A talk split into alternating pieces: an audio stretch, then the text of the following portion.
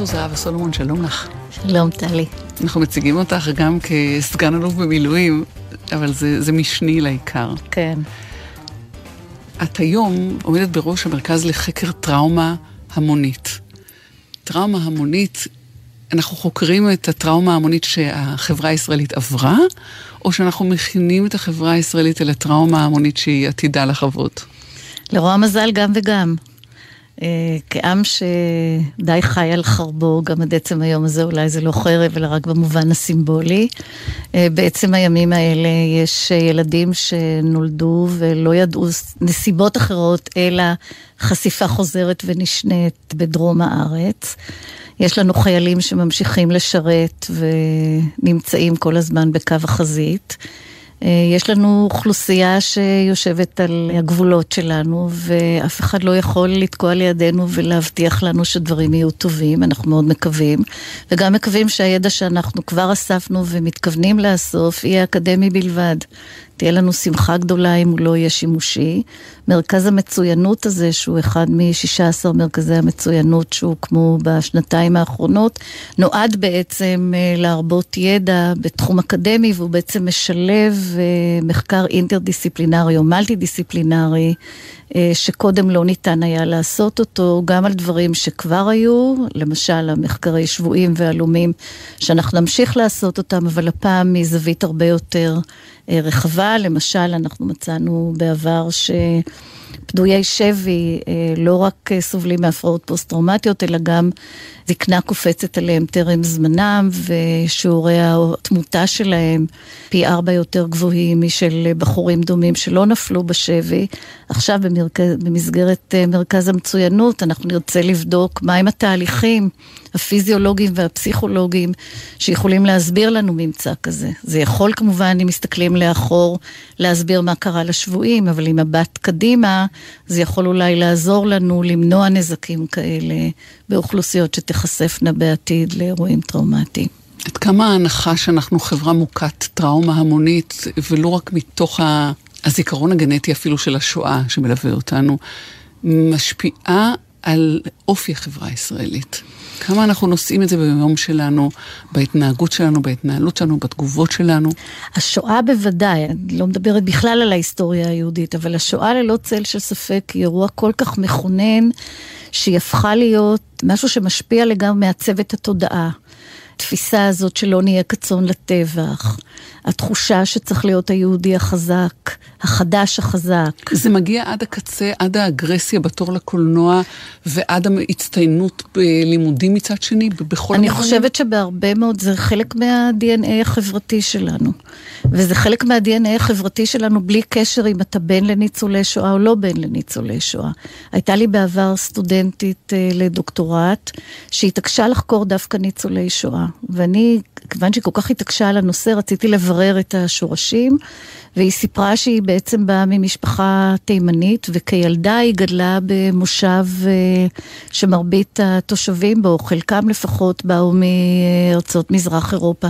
היא כל כך רצתה להידמות להם שהיא לקחה אקונומיקה כדי להבהיר את תורה. בחורה יפייפייה. ואני שאלתי אותה, למה העיסוק בשואה? כיוון שזה היה משהו ששייך לרוב ההגמוני, אפילו החלומות שלה היו חלומות כאילו היא עצמה הייתה בשואה.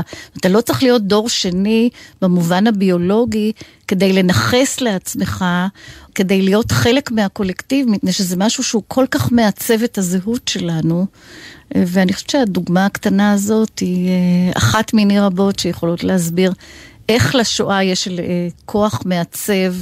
כמובן, כל החשיבה הזאת שיש רואים בפרנויה, או חשיבה פרנואידית אה, של חלק מראשי המדינה, שאין לבטוח בגויים, שהשואה חזור ותתרחש אלינו, אם מסתכלים על ההיסטוריה, שאתה צריך להיות חזק ובכוח הזרוע להבטיח את ה... הביטחון שלך, הביטחון האישי, הביטחון הלאומי, הרבה מאוד דברים כאלה הם פועל יוצא של חוויות אה, טראומטיות כוללניות. ולא רק השואה, גם האחרות שאנחנו נחשפנו. ללא צל של ספק, וככל שיש היסטוריה מרובה יותר או חוזרת על עצמה של אירועים טראומטיים, הדבר הזה בהכרח, או החשיפה החוזרת הזאת, בהכרח מעצבת את התודעה. אני מחפשת את הפן הפרקטי של העבודה החשובה שאת עושה לאורך עשרות שנים, מעבר לחקר התופעות, איך אפשר לגזור מהן טיפול, שינוי, תיקון, עשייה. הטיפול הוא יכול להיות בכמה וכמה רמות. קודם כל, יש כמובן רמת הפרט. ברמת הפרט, מעבר למעטפת של השירותים הפסיכולוגיים, שגם את חלקם אנחנו בדקנו את יעילות של טיפולים, למשל, יש טיפול שמשתמשים בו להלומי קרב בשדה הקרב. שהוא טיפול שהמקטרגים עליו טוענים שהוא טיפול לא הומני, משום שהוא מציע להחזיר את החיילים לשדה הקרב, לטפל בהם קרוב לחזית ולהחזיר אותם לפעילות. והמקטרגים טוענים שאולי הניתוח יצליח, אבל לפציינט יש סיכויים יותר גדולים למות, ולכן זה טיפול אה, נוראי ואסור אה, לאחוז בו. אנחנו בדקנו את היעילות של הטיפול הזה, וראינו שזה לא רק להחזיר ולהעצים את הצבא במה שקרוי בשר תותחים, אלא שבעצם אנשים שמקבלים את הטיפול הזה, היתרון שלו ניכר אפילו 20 שנה אחר כך. זאת אומרת, עשינו מעקב לא רק מיד, אלא שנה אחרי הטיפול וגם 20 שנה. כלומר, זה ברמת הפרט. כלומר, יש טיפולים שראוי להעריך את היעילות שלהם, ולא כל שיטה טיפולית שכל איש בריאות הנפש יכול להמשיג ולחשוב אותה, צריך לבדוק את היעילות של הדברים האלה, וזה אחד הדברים שלא תמיד נעשים. כי יש לנו איזה דחף מאוד גדול לעשות. ברמה המשפחתית מצאנו בעבודות שלנו שיש זליגה או הדבקה. כאשר אה, חייל חוזר אה, אה, פגוע נפשית ממלחמה או משבי, בת זוגו וילדיו הם נמצאים בסיכון גבוה יותר לטראומטיזציה משנית, ולכן יש צורך מאוד גדול לטפל במשפחה כמערכת. ומה על העבודה קהילתית? כי כשאני חושבת על טראומות המוניות, אני חושבת על אה, נפגעי אה, הקסאמים או מתקפות הקטיושות בצפון במשך עשרות שנים, תופעות של פגיעות מתמשכות. אה, בקהילות, קודם כל, אחד הדברים שהמחקרים הראו חזור ושנו, שקהילות שהן מגובשות, קיבוצים למשל, שיש בהם ארגון קהילתי ותמיכה קהילתית גדולה יותר, הנזקים הם קטנים יותר מאשר בעיירות או ביישובים שהם פחות כועסיביים. ואותו דבר מצאנו גם ביחידות צבאיות, יחידה שהיא יותר כועסיבית, יש בלכידות גבוהה יותר, אה, שיעור הנפגעים קטן יותר, והדבר הכי חשוב מבחינתנו זה קודם כל מניעה, לזהות גורמים של מניעה. כי ברגע שאתה מונע את הכניסה תהליכים טראומטיים. אתה חוסך סבל בל ישוער ואתה חוסך משאבים עצומים. אבל זאת חוכמת המחקר המתקדם. כן. יש בוודאי הרבה יותר שנים של נזק שכבר נגרם. ושצריך אה, להגיב לו ולהגיב להשלכות שלו ולנזק הסביבתי שהוא מייצר. ללא צל של ספק, ולכן אה, יש אה, חשיבות מאוד גדולה גם לפעולות של מה שנקרא Psycho-Education, הסברה וחינוך. אני חושבת שלמשל אמצעי התקשורת בעידן הזה יכולים להיות שופר או כלי או צינור לטיפול ובוודאי למניעה וחיסון של אוכלוסייה הרבה יותר טוב מאשר אה, טיפולים פרטניים. נחזור, זהבה סולומון, להתחלה. ולקשר בין הבית שאת גדלת בו לבחירה שלך אה, בעבודה סוציאלית, כי כל המחקרים שלך וכל ההתפתחות שלך עולה מלימודי עבודה סוציאלית או מעבודה סוציאלית שעשית. כן. מה הקשר לבית שגדלת בו? אמי, זיכרונה לברכה, הייתה ניצולת שואה. והיא הייתה מהניצולים שדיברו. וכיוון שהייתי בתה הבכורה והרבה שנים בת יחידה, אז היה קשר מאוד חם ומאוד מאוד uh, מיוחד. זה גם היה בשביל התיקון עצום על הילדות והנעורים שבעצם נגזלו ממנה. והיא מצאה בי uh, בציח, ומגיל מאוד מאוד צעיר אני זוכרת את הדיבור על הדברים האלה. גם uh, חוויות uh, פחות נעימות שהיו קשורות לזה, אני זוכרת שבכיתה ב' המורה דליה אמרה לנו שהיהודים לא נלחמו. והם הלכו כצאן לטבח ואני באתי הביתה ומאוד מאוד כועסת ואמרתי, אמא את שיקרת ואמרת שאסור לשקר. ואז היא שאלה אותי, מה אמרתי? אמרתי, את אמרת שאתם התמודדתם ואתם אה, איש לאחותו, הם היו ארבעה אחים שעזרו אחד לשני בעצם, והם טענו שככה הם שרדו, שאתם עזרתם, אבל איך לא התקוממתם? הייתם שישה מיליון מול אה, מעט אה, גרמנים, והדברים האלה אחר כך חזרו והמשיכו במשך החיים. אחר כך למדתי בתיכון חדש, שהיה בית ספר עם אוריינטציה סוציאליסטית, בית ספר מדהים, מעצב, חשוב. ואחר כך הלכתי לנחל, ובגרעין היו המון מצורפים. כלומר, בגרעין בעצם פגשת את ישראל האחרת, כי את בגר... גדלת בכפר שמריהו כן. ובחברה די מוגנת. גדלתי בחברה מאוד מאוד מוגנת, ובגרעין באמת היו לנו הרבה מאוד מצורפים לגרעין. וכ... מצורפים זה ממש מילה כזאת מכובסת. מצורפים זה מילה איומה, כן. כן. אה, ובעצם אה, זה היו אה, בני נוער. שבאו מסיפורי חיים מאוד מאוד קשים, כמו למשל לבקש מזכירות גרעין נדאג לעוד חמש לירות כדי שאפשר יהיה לקנות סוודר לבן לבוא לחדר אוכל ביום שישי. זאת אומרת, היו דברים מאוד קורעי לב, ואני חושבת שהייתי גם בשלב מאוד פורמטיבי של חיי, והדברים האלה נגעו לליבי, ואז התלבטתי באמת בין פסיכולוגיה לעבודה סוציאלית, נרשמתי לשני הדברים, התקבלתי לשניהם, אמרתי, רק עבודה סוציאלית, כי בתמימות של נחלאית בת 20, uh, אה, זה היה המקום uh, לעשות את העולם מקום טוב יותר. ומעניין שברבות השנים למדת שגם שם, אבל אם להיות משמעותיים, אז כן בתחום של הפסיכולוגיה והמחקר וה... אני חושבת שמה נפש. שגרם לי, אני חושבת שכבר מהסמסטר הראשון, אבל זה המשיך, גם גמרתי תואר שני בעבודה סוציאלית, אבל זה, השאלות היו מאוד נוקבות, כי התחושה הייתה שהאתגרים הם עצומים, והידע שיש, אני כבר לא מדברת על המשאבים שהם כמעט ולא קיימים, אבל הידע הוא מאוד מאוד אה, מצומצם. מה שהביא אותי למקום שרציתי... רציתי ידע בשביל שהוא יהיה כוח. עוד לפני זה, כשסיימת ב-73 את הלימודים, עבדת מספר שנים במרכז שיקום ובתחנה להתפתחות הילד. אלה השנים שבהן טראומת מלחמת יום הכיפורים מכה שורש. נכון. מתגנבת על החברה הישראלית נכון. ואנחנו לא מודעים לה בכלל. נכון. אני זוכרת את העבודה הראשונה ב-MA, ל-MA התקבלתי על תנאי. כי היו צריכים, בזמנו לעבודה סוציאלית ב-MA, זה היה מחזור ראשון בחיפה, היו צריכים לבוא עם איזשהו ניסיון, ולא היה לי כמובן שום ניסיון. אז אמרו, נראה אם את מספיק בשלה, ונקבל אותך על תנאי. ובמקביל עבדתי באמת במגדלור, שהיה מרכז אה, שיקום, וגם בתחנה להתפתחות הילד. והמפגשים האלה היו מאוד מעניינים, כי העבודה הראשונה שרציתי לכתוב בקורס פסיכופתולוגיה הייתה על הלם קרב ב-73. ולא היה שום חומר בעברית, כי מעט הדברים שהיו, היו מוצפנים במחלקת בריאות הנפש, ולא הייתה חשיפה לסוגיה. זה עניין אותי גם בגלל בן הזוג שלי, שחזר באותה תקופה מהמלחמה. זה כמובן היה נושא שמאוד העסיק, אבל לא הייתה שום התייחסות אה, ישירה אליו. זה בור שהתמלא בהמשך. כן. פרופסור זהבה סולומון, נסעת לאמריקה לעשות את הדוקטורט. ואחד הדברים שנתקלת בהם שם הוא uh, הבירור של uh, מצבן של אימהות uh, אחרי האסון ב-Three Mile Island.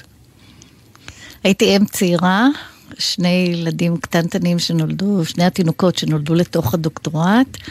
ו-Three Mile Island היה בזמנו נתפס כאיזה אירוע אפוקליפטי, בסופו של דבר, לשמחתנו, ההר הוליד עכברון. נגיד רק שזו איזה אסון גרעיני פוט... בפוטנציה. בפוטנציה, כן.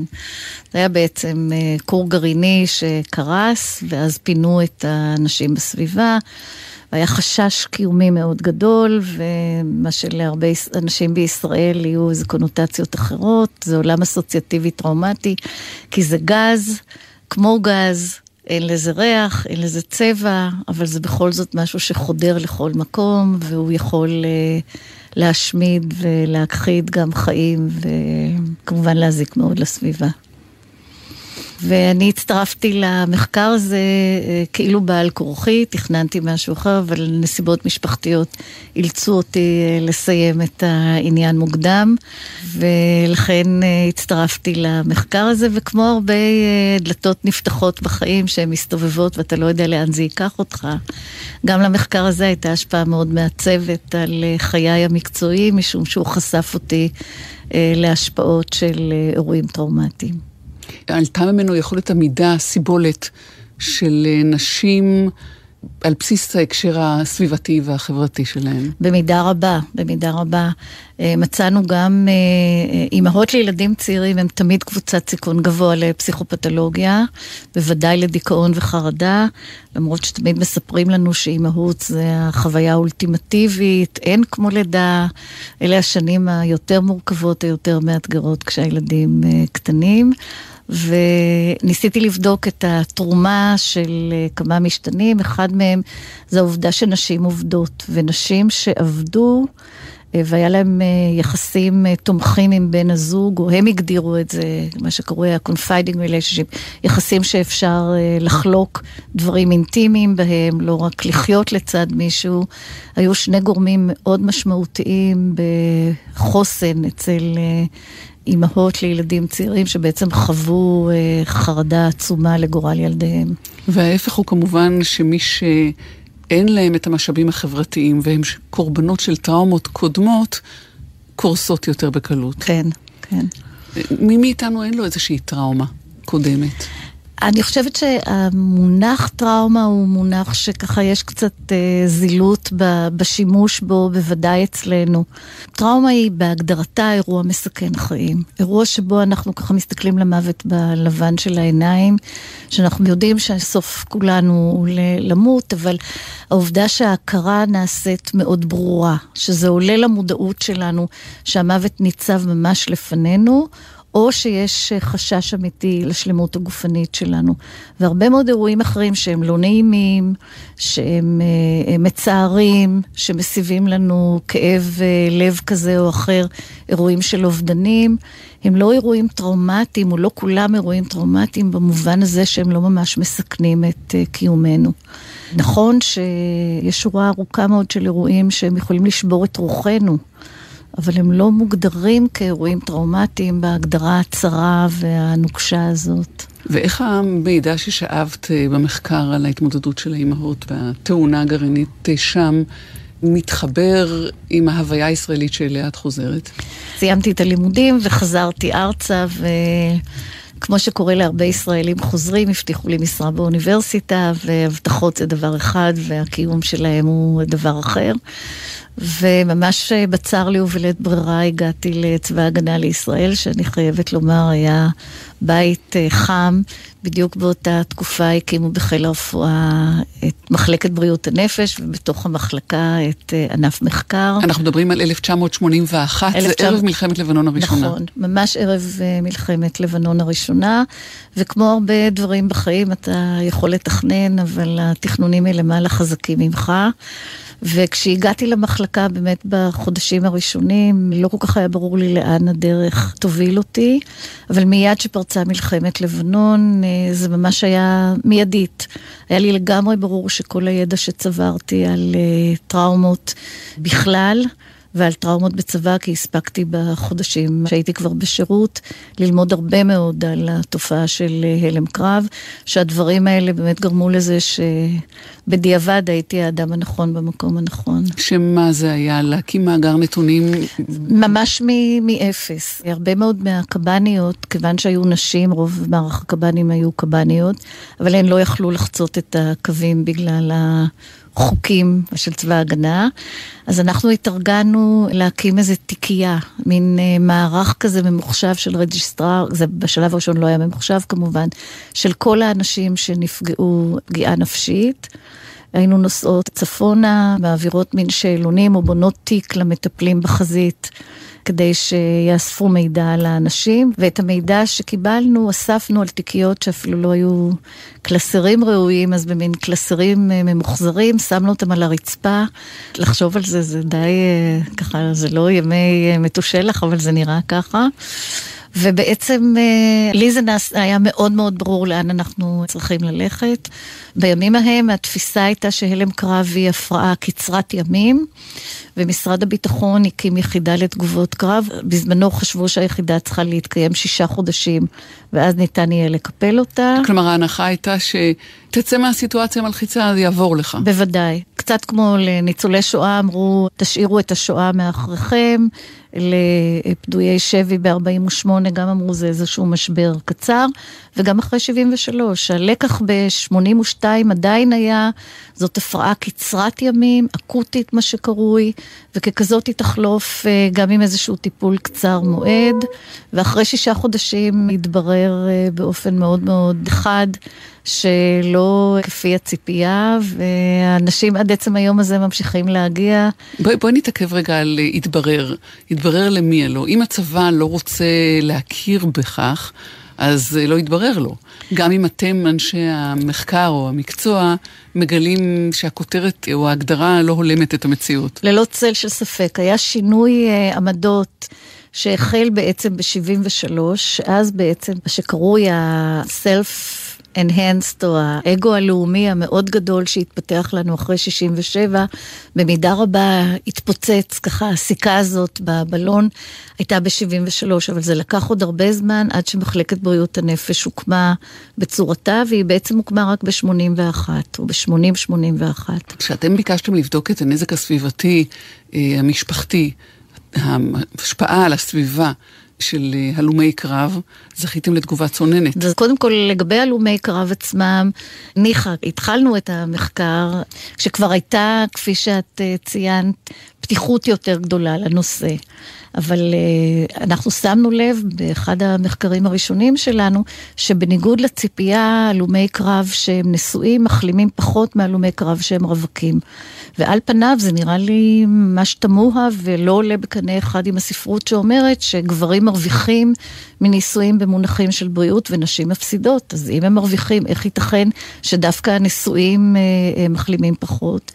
ואז הבנו שיש משהו, דיברנו קצת עם הקלינאים וניסינו לראות מה יש באינטראקציה המשפחתית שמעכב.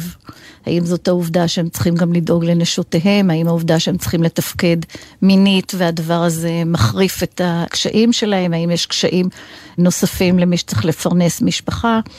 ואז הבנו שיש משהו באינטראקציה המשפחתית, וכנראה שאנשים אה, משלמות גם הן מחיר. ואני זוכרת שבאתי למפקד שלי ואמרתי שאני מבקשת לחקור את נשותיהם של אה, הלומי הקרב. היה מבט מזלזל ותמה, ואז הוא אמר, קודם כל אין לנו מספיק משאבים לטפל בבחורים שנפגעו, מה פתאום נשים?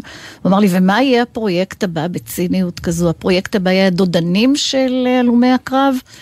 ואמרתי לו, תראה, אני מבינה ללבך, כי די הכרתי את הסיטואציה שבה ישבתי, זה כבר היה ב-86. 85, ואמרתי, ואם נצליח להשיג אה, מימון חוץ, הוא אמר, בוודאי, הוא חשב לעצמו.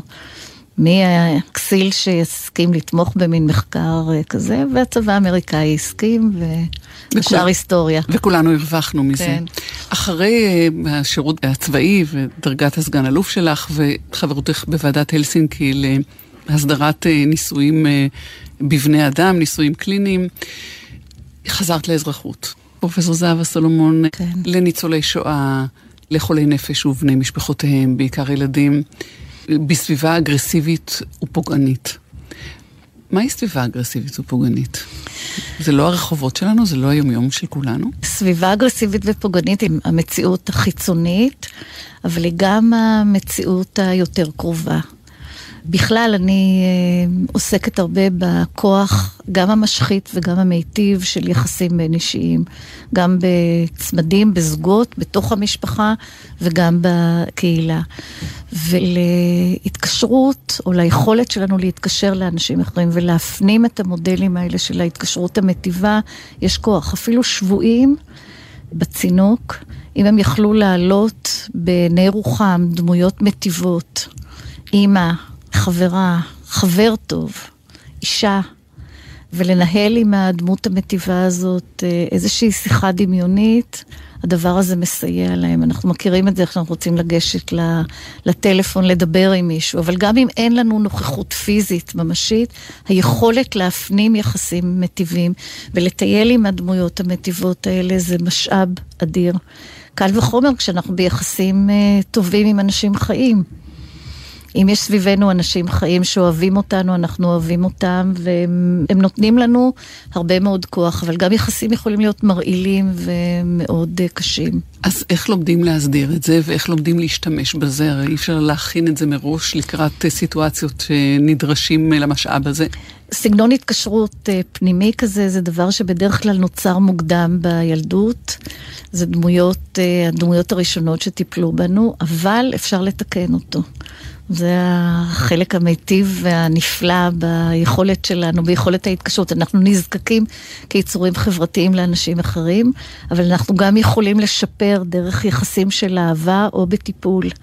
אפשר אה, לשפר את היכולות, יכולת ההתקשרות הזאת, ולהגדיל את המשאב הפנימי שלנו, גם אם מסביבנו גיא צל מוות, גם אם מסביבנו אין אף אחד אחר. אם יש לך, אם חווית פעם אחת יחסים מטיבים, יחסים אוהבים, זה משהו שנותן לך מבפנים הרבה מאוד כוח והרבה אנרגיה. אני מביטה עלייך עם החיוך הזה שנסוך על פנייך בזמן שאת מדברת, ואני תוהה עד כמה את משתמשת בעצמך בכלים בשביל לעבור את החיים שלך.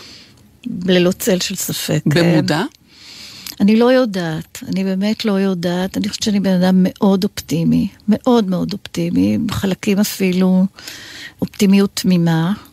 בגלל זה אני העזתי לעשות הרבה דברים בצבא, תמיד היו אומרים שאני עיוורת צבעים לחאקי. לא כי לא היה לי כבוד למסגרת, אבל כי למדתי הרבה דברים במקום אחר, הגעתי לצבא אחרי הלימודים לקבע. אבל אני חושבת שאופטימיות בסיסית, ותמיד ההרגשה הזאת, אני חושבת שאימא שלי הצליחה, גם אימא, גם אבא, אבל בעיקר אימא, לתת הרגשה שיש מישהו שאוהב ומגן, ועם הדבר הזה אתה הולך בחיים, כשאתה מחייך בהרבה פעמים, כמו הקלישאה, החיים מחייכים אליך. וכמה את נושאת איתך את כל השריטות שאספת או שאת אוספת אה, בדרך? אה, במידה לא מבוטלת, זאת אומרת, הרבה חלומות. יש לפעמים uh, תקופות של מה שאני קוראת הרעלת טראומה, של עיסוק מאוד מאוד אינטנסיבי בחומרים מאוד מאוד קשים. אני כותבת עכשיו מאמר על בוגדים ונבגדים בתמה של השבי. מאמץ רגשי מאוד קשה, גם אינטלקטואלי, אבל הרבה יותר רגשי. אבל אני חושבת שאיזה שהם דברים פנימיים ש, שאני הולכת איתם, וזכיתי ל, באמת, גם למשפחה מאוד חמה, וגם לחברים יוצאים מן הכלל, וזה משאב שאי אפשר לקחת אותו, להפחית בחשיבותו. היית אה, דיקנית בית הספר לעבודה סוציאלית, עמדת בראש מרכז אדלר ללימודי רווחה והגנה של הילד. דיקנית התוכנית המיוחדת באוניברסיטת תל אביב, חברה במועצה להשכלה גבוהה, עבדת עם דוקטורנטים בסינגפור או בדנמרק ובארצות הברית, מן הסתם אדם הוא אדם הוא אדם בכל מקום. ונשבית בסוגיית אה, פדויי השבי. שלום לך, דוקטור דוד סנש. שלום לך, טלי, שלום לפרופסור זהבה סלומון. שלום, דוד. אתם ברמה של שלום. פרופסור זהבה סלומון? לא, שלום לך, זהבה יקירתי. כשיוצא לנו לדבר ברדיו, בטלוויזיה, אז אנחנו נעשים קצת יותר פורמלי. אתה גם נחקר של אה, זהבה, שהיה לקולגה. במובן מסוים אני גם uh, תלמיד שלה וגם מטופל שלה. וגם מורה, ובמידה רבה מורה. אבל בעיקר בעיקר חבר וקולגה, והיכולת באמת אה, לרחף על פני אה, מעמדות וקשרים וסטטוסים שונים, באמת מעשיר מאוד ומעמיק את החוויה של ההיכרות. נשאר אה, רגע עם האזור הדמדומים של נחקר מטופל. עד כמה המשתתף במחקר שעושה זהבה בעניינים שבטראומה, או במקרה שלך פדוי שבי, הופך או הוא גם באמת מטופל. כי החקירה הזאת היא תהליך, אני שואלת אותך, ותכף אני אשאל את זהבה, כי אני בטוחה שכל תהליך של חקירה כזאת, או של למידה כזאת, ברור כזה, הוא, הוא גם תרפויטי לחוקר, אבל מהצד שלך? אני אגיד לך, זו שאלה נהדרת. אה, אני באמת הגעתי למחקר בשנת 90 ומשהו, אחרי שהות של לימודים בצפון אמריקה, עשיתי את הדוקטורט שלי שם, והייתי מאוד מחומם וחם ולוהט לגבי מחקר, ורק התחלתי צעדיי הראשונים בטיפול. גם כמטפל, גם כמטופל, וכל הקשר גם עם כל ההיסטוריה, משרד הביטחון, אגף השיקום, כל זה רק התחיל. ובאמת שם המחקר היה מחקר קשוח, זה היה מחקר כמותי ובאמת סריקה ראשונית של המטריה, ממש קרקע בתולית, והיה לי את הכבוד להיות אחד הנבדקים. להיות נחקר זה כבר עניין אחר, נכון. כי נחקר לוקח אותי למקום של חקירות, וזו נקודה מאוד מאוד רגישה אצלי. אגב, גם טיפול יכול להוביל לשם, ואפילו להיות uh, תלמיד יכול להוביל לשם. השאלה, איך מבצעים את זה, ופה כל האומנות של העשייה המקצועית הנכונה, שלא מחזירה אותך למקומות הרעים של חקירה, אלא מוציאה אותך משם. זאת אומרת, זה, זה לא רק אה, מהלך או מפגש שנועד לייצר אה, מחקר או הבנה או תובנות, אלא הוא גם, גם הליך טיפולי. אתה יוצא מהמפגש הזה אחר משנכנסת אליו. מכל מפגש, ואני חייב להגיד שאם המפגש נעשה נכון, הוא לוקח אותך אחורה וקדימה, mm-hmm. ואתה מגיע למקומות חדשים שהם יותר טובים ממה שהיו קודם. אם המפגש הוא לא נכון, הוא משחזר, הוא לוקח אותך בדיוק לאותו מקום, mm-hmm. והוא רק uh, מגדיל את הפציעה. והרבה זה תלוי גם בקונטקסט, אם אני הולך למחקר, או שאני הולך לחקירה, או שאני הולך לבדיקה רפואית. כל הדברים האלה כבר מכתיבים את ההקשר שבו פועלים שניים. ברגע שאני יושב עם מישהו ונסגרת הדלת, בתוך אינטימיות זה יכול להיות טיפול, זה יכול להיות מחקר וזה יכול להיות חקירה. אני כבר הייתי בכל המקומות האלה. וההבדל הוא באמת במחויבות של שני האנשים לקשר מסוים, שהקשר הזה יהיה מיטיב, מלמד, חוקר, זה בסדר, זה נהדר, אבל לא מכאיב ולא משחזר ובלי hidden agendas למטרות נוספות. את יודעת, זהבה, שכעיתונאים אנחנו בסוג של אינטראקציה דומה עם מרואיינים הרבה פעמים, וההצלחה שלנו נמדדת ביכולת שלנו להפיק רגש, או להפיק מהם משהו שהם לא אמרו קודם, וזה איזשהו קו אה, שיכול להפוך לציני אם לא נזהרים בו, אם לא זוכרים כל הזמן את האדם שמולך, כן. את החומר האנושי, לא את החומר העיתונאי. עד כמה זה דומה לאינטראקציה שלך אם נבדק, במובן הזה לא מטופל אלא נבדק או נחקר. לצורך אה, מחקר? כן, הסיטואציה היא מאוד מאוד מאתגרת, מאוד מאוד מורכבת, ובוודאי בקונטקסט של אה, אנשים שעברו חקירות, והחקירות נתפסות אצלהן, להבדיל ממחקר, שהחקירה נתפסת כמשהו טראומטי, כמשהו פוגע, כמשהו משפיל, שמשהו מקטין. שהכוונה שלו היא בעצם אה, קצת לשבור את הרוח ולחגוג איזה ניצחון אה, של צד אחד של רוע על צד אחר. ולכן גם ההבחנות האלה הן הבחנות מאוד מאוד מורכבות. עכשיו, כשאנחנו עושים מחקר, המטרה של מחקר אקדמי היא להפיק ידע. ובעצם אמרתי קודם שדוקטור דוד צנש, דודי הוא במידה רבה מורה שלי, הוא מורה משום שמי שבאמת מחזיק את הידע על החוויות זה אותם אנשים שעברו את החוויה עצמה. עכשיו, המשא ומתן המאוד מאוד עדין הזה, השיח המאוד רגיש הזה, צריך לבוא ממקום שאנחנו רוצים לאסוף ידע, אבל כדי שהמטרה שלו היא בסופו של דבר להעצים, להגדיל, לסייע.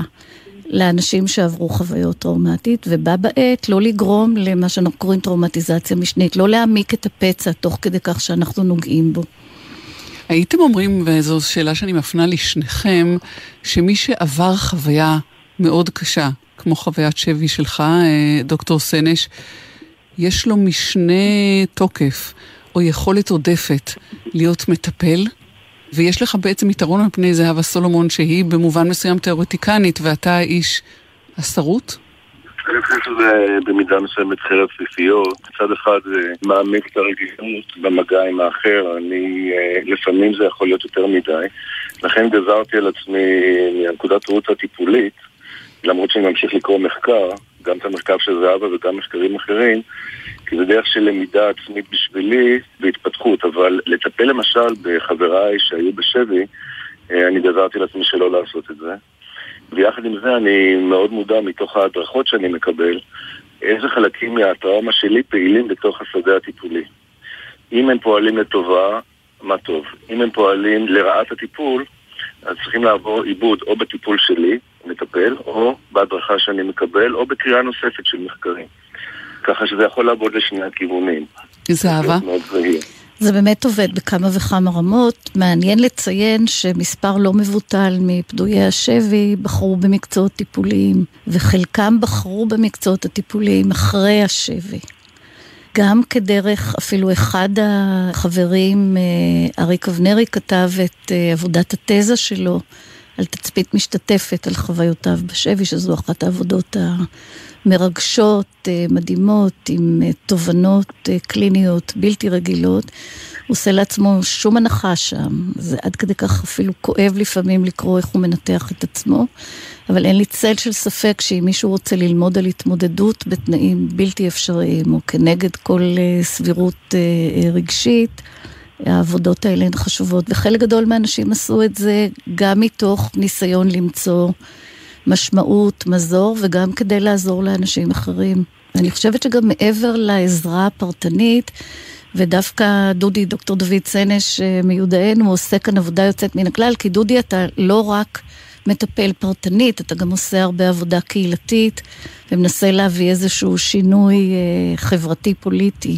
אני אפרד ממך, אה, דוקטור סנש, בשאלה, האם באיזשהו אופן השבי, החוויה הכל כך קשה הזאת, הפכה לסוג של מתנה?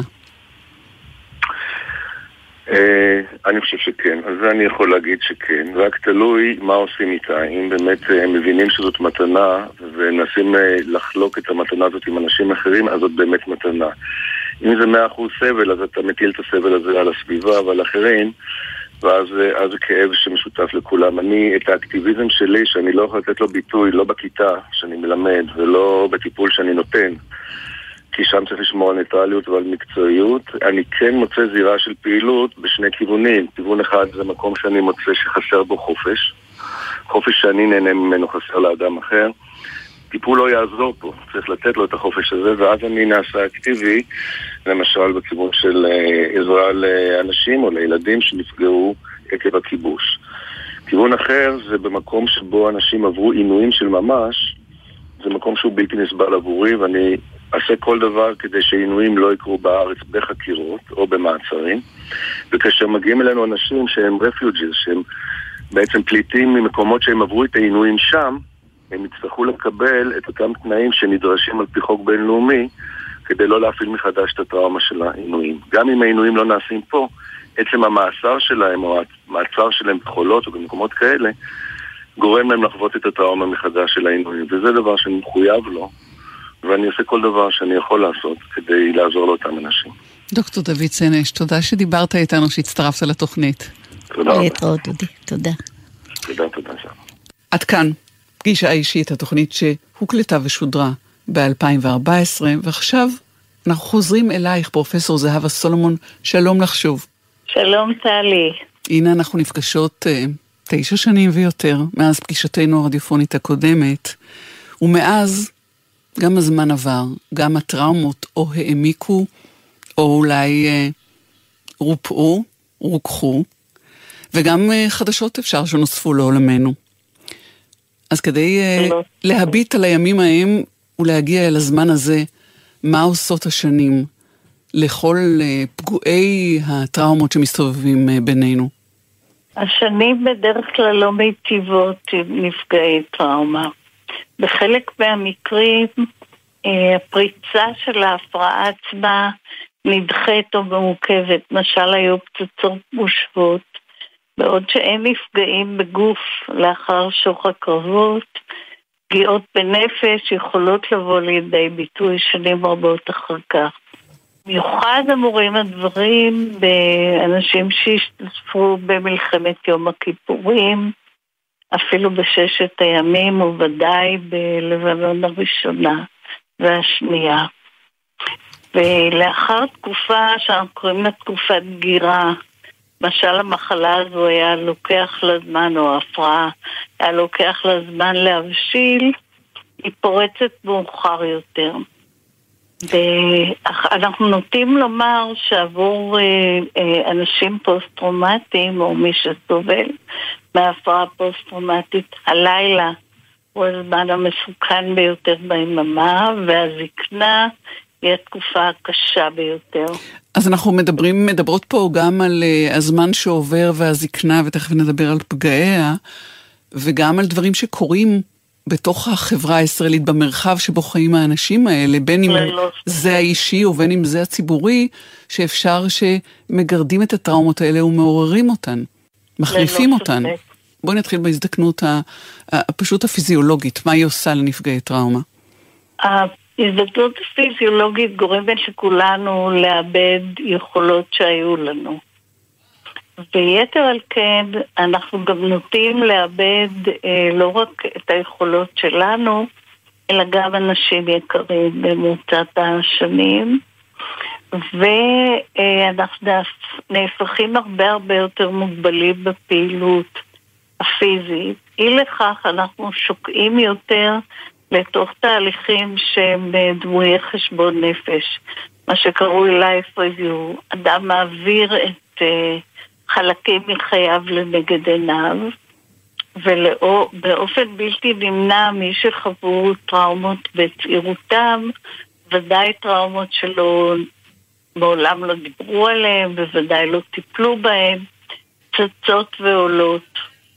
ולכן אה, רבים מאוד מהנפגעים, למשל ביום כיפור, מגיעים להכרה עכשיו. יתר על כן, העובדה שאנחנו חיים במדינה שמספקת לנו חדשות לבקרים, אירועים מטלטלים, הופכת את הקבוצות האלה לקבוצות סיכון גבוה, שההזדקנות אצלהם מלווה גם בפריצה של אה, אה, תגובות פוסט-טראומטיות. האם הגוף, אה, הפיזיולוגיה מגיבה לפגיעה נפשית? ללא צל של ספק, זה, הנפש והגוף כלים שלובים הם, ופגיעה באחד תורמת גם לפגיעה באחר, ונפגעים פוסט-טראומטיים גם מזקנים טרם זמנם, חלקם מתים מוקדם יותר, ולאחרים יש סמנים שתוחלת, סמנים ביולוגיים, שתוחלת החיים שלהם תהיה קצרה. כלומר, לא זו בלבד שהם נאבקים בזיכרונות קשים, אלא גם נאבקים ביותר אה, תחלואה. בשנים האלה חלה התקדמות ביכולת לדבר בדברים האלה. ב- נכון. ביכולת להגיב לזה, באפשרות לטפל במכאובי הנפש.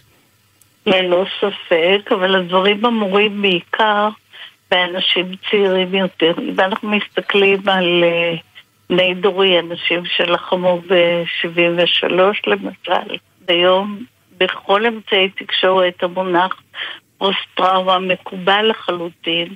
בעבר הדבר הזה היה שונה לגמרי.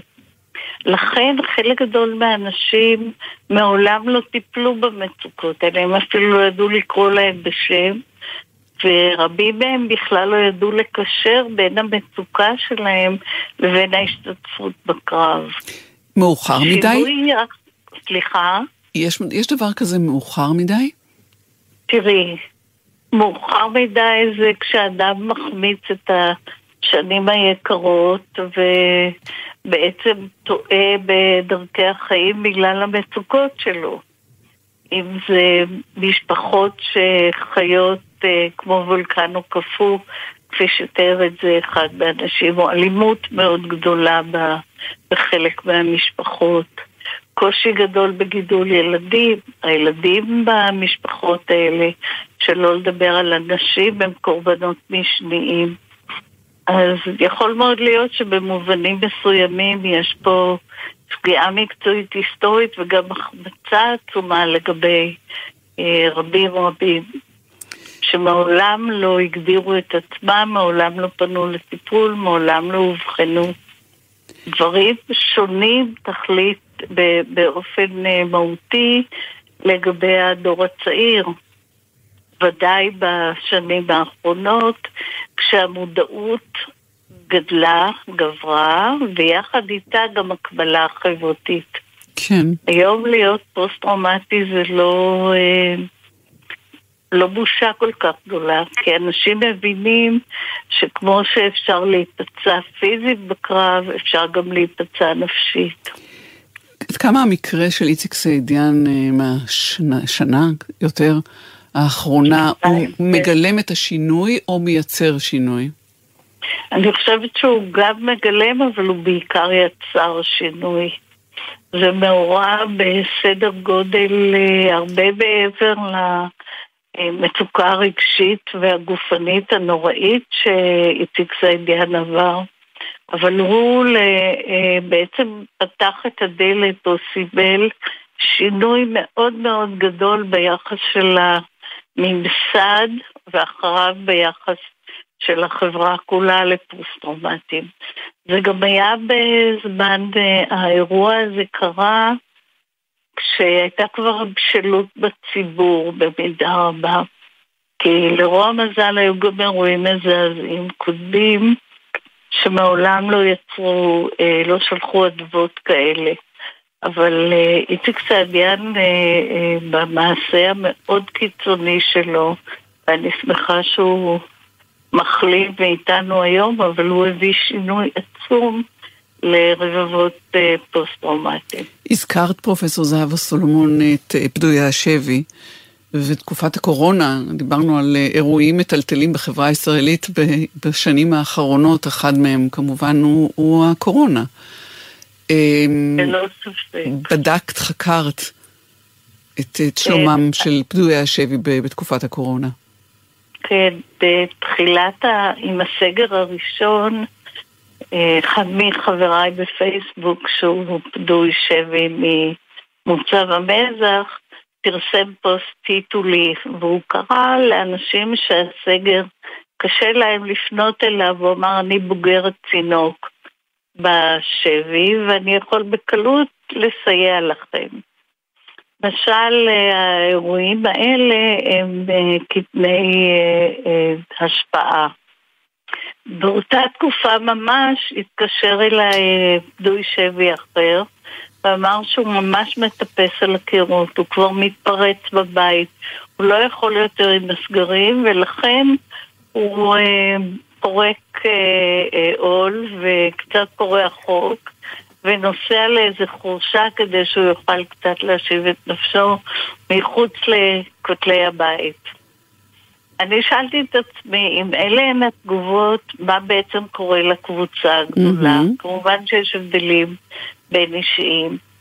כיוון שהקורונה עבור אה, הקבוצה של פדויי השבי מיום הכיפורים היא אה, אה, משבר חוזר, חזרנו אל הבחורים האלה פעם נוספת ובדקנו את מצבם ואת התגובות שלהם. וההפתעה שלנו הייתה עצומה. כלומר, אם אה, אה, הבחור אה, הראשון סיפר שיש בעצם תהליך של חיסון, השבי כאילו חיסן אותו להתמודד עם מצוקות אחרות ובהם הסגר והאיום של אה, הקורונה, של מחלת הקורונה, התברר שמרבית השבויים תפסו את האירוע הנוכחי כאירוע שמחיה את טראומה הקודמת. במיוחד אלה שראו דמיון בין השניים. כן. כלומר, אה, שלילת חירות, איום על החיים. אנחנו מדברים על הימים הראשונים, על התקופה הראשונה. כן, שלא אפשרו לצאת, כן. עוד אה. עניין אחד, פרופסור זהב סולומון, לפני שנשוב וניפרד, והוא אה, עמותה שהקימו בניהם ובנותיהם של הלומי קרב להאיר את הבית. אה, גם ההקמה של העמותה, שבאופן אישי מאוד ריגשה אותי, הצביעה ומשקפת שינוי החברתי שחל ביחס לנפגעים פוסט-טראומטיים.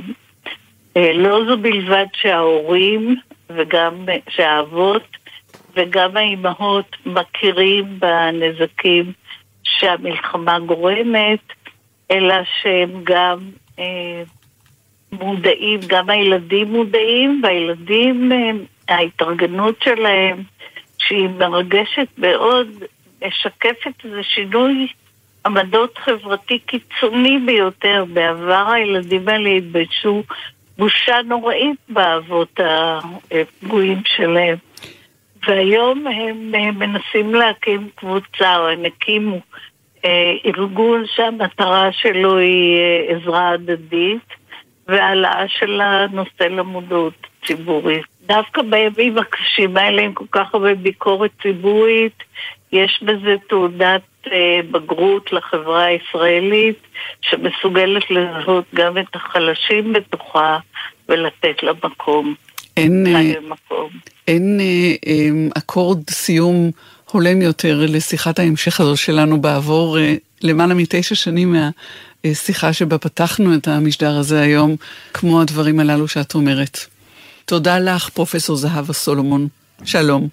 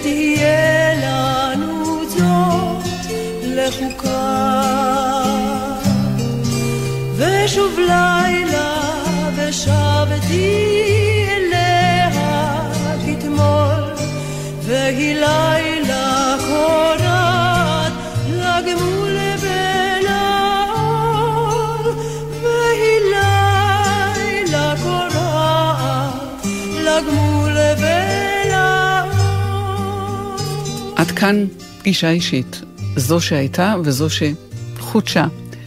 את המשדר המקורי הפיקה הדס ארצי, טכנאי היה אז ופז קנטור. טכנאי השידור שלנו היום, אור מטלון, מפיק ראשי של פא', פגישה אישית, עומר נותקביץ', מפיקה ורדי שפר, אני טלי ליפקין שחק. שבוע קל כמידת האפשר שיעבור עליכם. היו שלום. ודלתות חלומה לי פתוחות לרווחה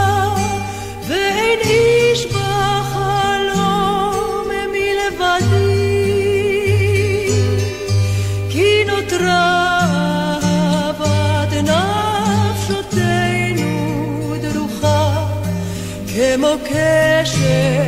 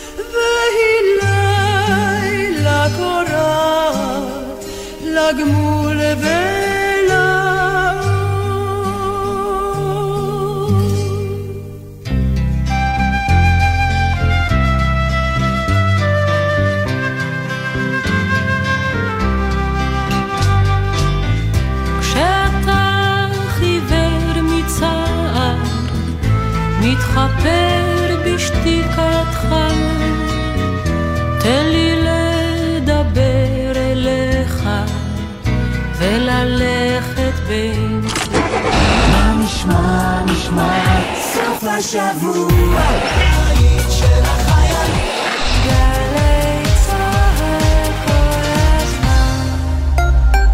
שלום, כאן יאיר בן שלום, מנהל היכל הזיכרון. בפעם הבאה שאתם עולים לירושלים, תנו כבוד ובואו לבקר בהיכל הזיכרון הממלכתי לחללי מערכות ישראל. המבנה הייחודי בנוי כפעמון של אור ותקווה, וקיר הלבנים עם שמות הנופלים ממלא את הלב יראת כבוד.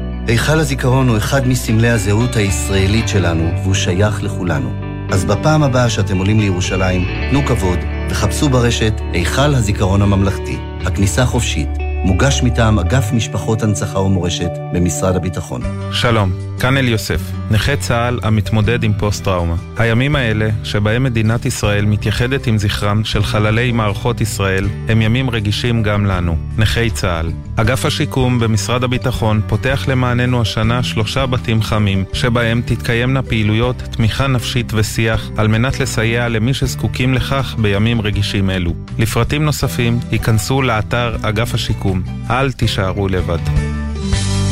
בכביש, כמו בחיים, אנחנו תלויים זה בזה. אם נתחשב באחרים, נשמור על החיים של כולנו. נהגים, רוכבי אופנוע חולקים איתנו את הדרך. חפשו אותם במראות ובצידי הרכב, בעיקר לפני מעבר נתיב, כניסה לצומת, פנייה או עקיפה. כי כולנו מחויבים לאנשים שבדרך, עם הרלב"ד. הפסקול הישראלי גלי צה"ל חוגגת 75 שנות עצמאות למדינה באלבומים שעיצבו את המוזיקה הישראלית. והפעם, שביל קליפות הגרעינים של טיפקס. אפי בן אברהם משוחח עם קובי עוז, גל פרמן ורמי יוסיפוב. הרעיון היה למחוק את הגבולות. המוזיקה שהייתה לפנינו היא גם כן מוזיקה ראויה. ברור שאנחנו הכנסנו פנימה המון אלמנטים מזרחיים ומרוקאים ומכל מיני מקומות. פשוט רצינו לפתוח את הדלת, להכניס את עצמנו ולהכניס עוד אומנים לתוך הדבר הזה. הפסקול הישראלי עם טיפקס, מיד, בגלי צה"ל. החזיקו חזק, כי אנחנו עומדים לנסוע בזמן. אחים שרפות לפני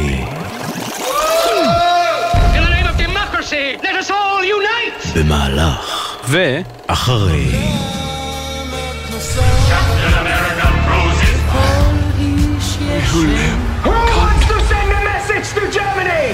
המלחמה הגדולה בהיסטוריה. מלחמת העולם השנייה הולידה אינספור יצירות אומנות.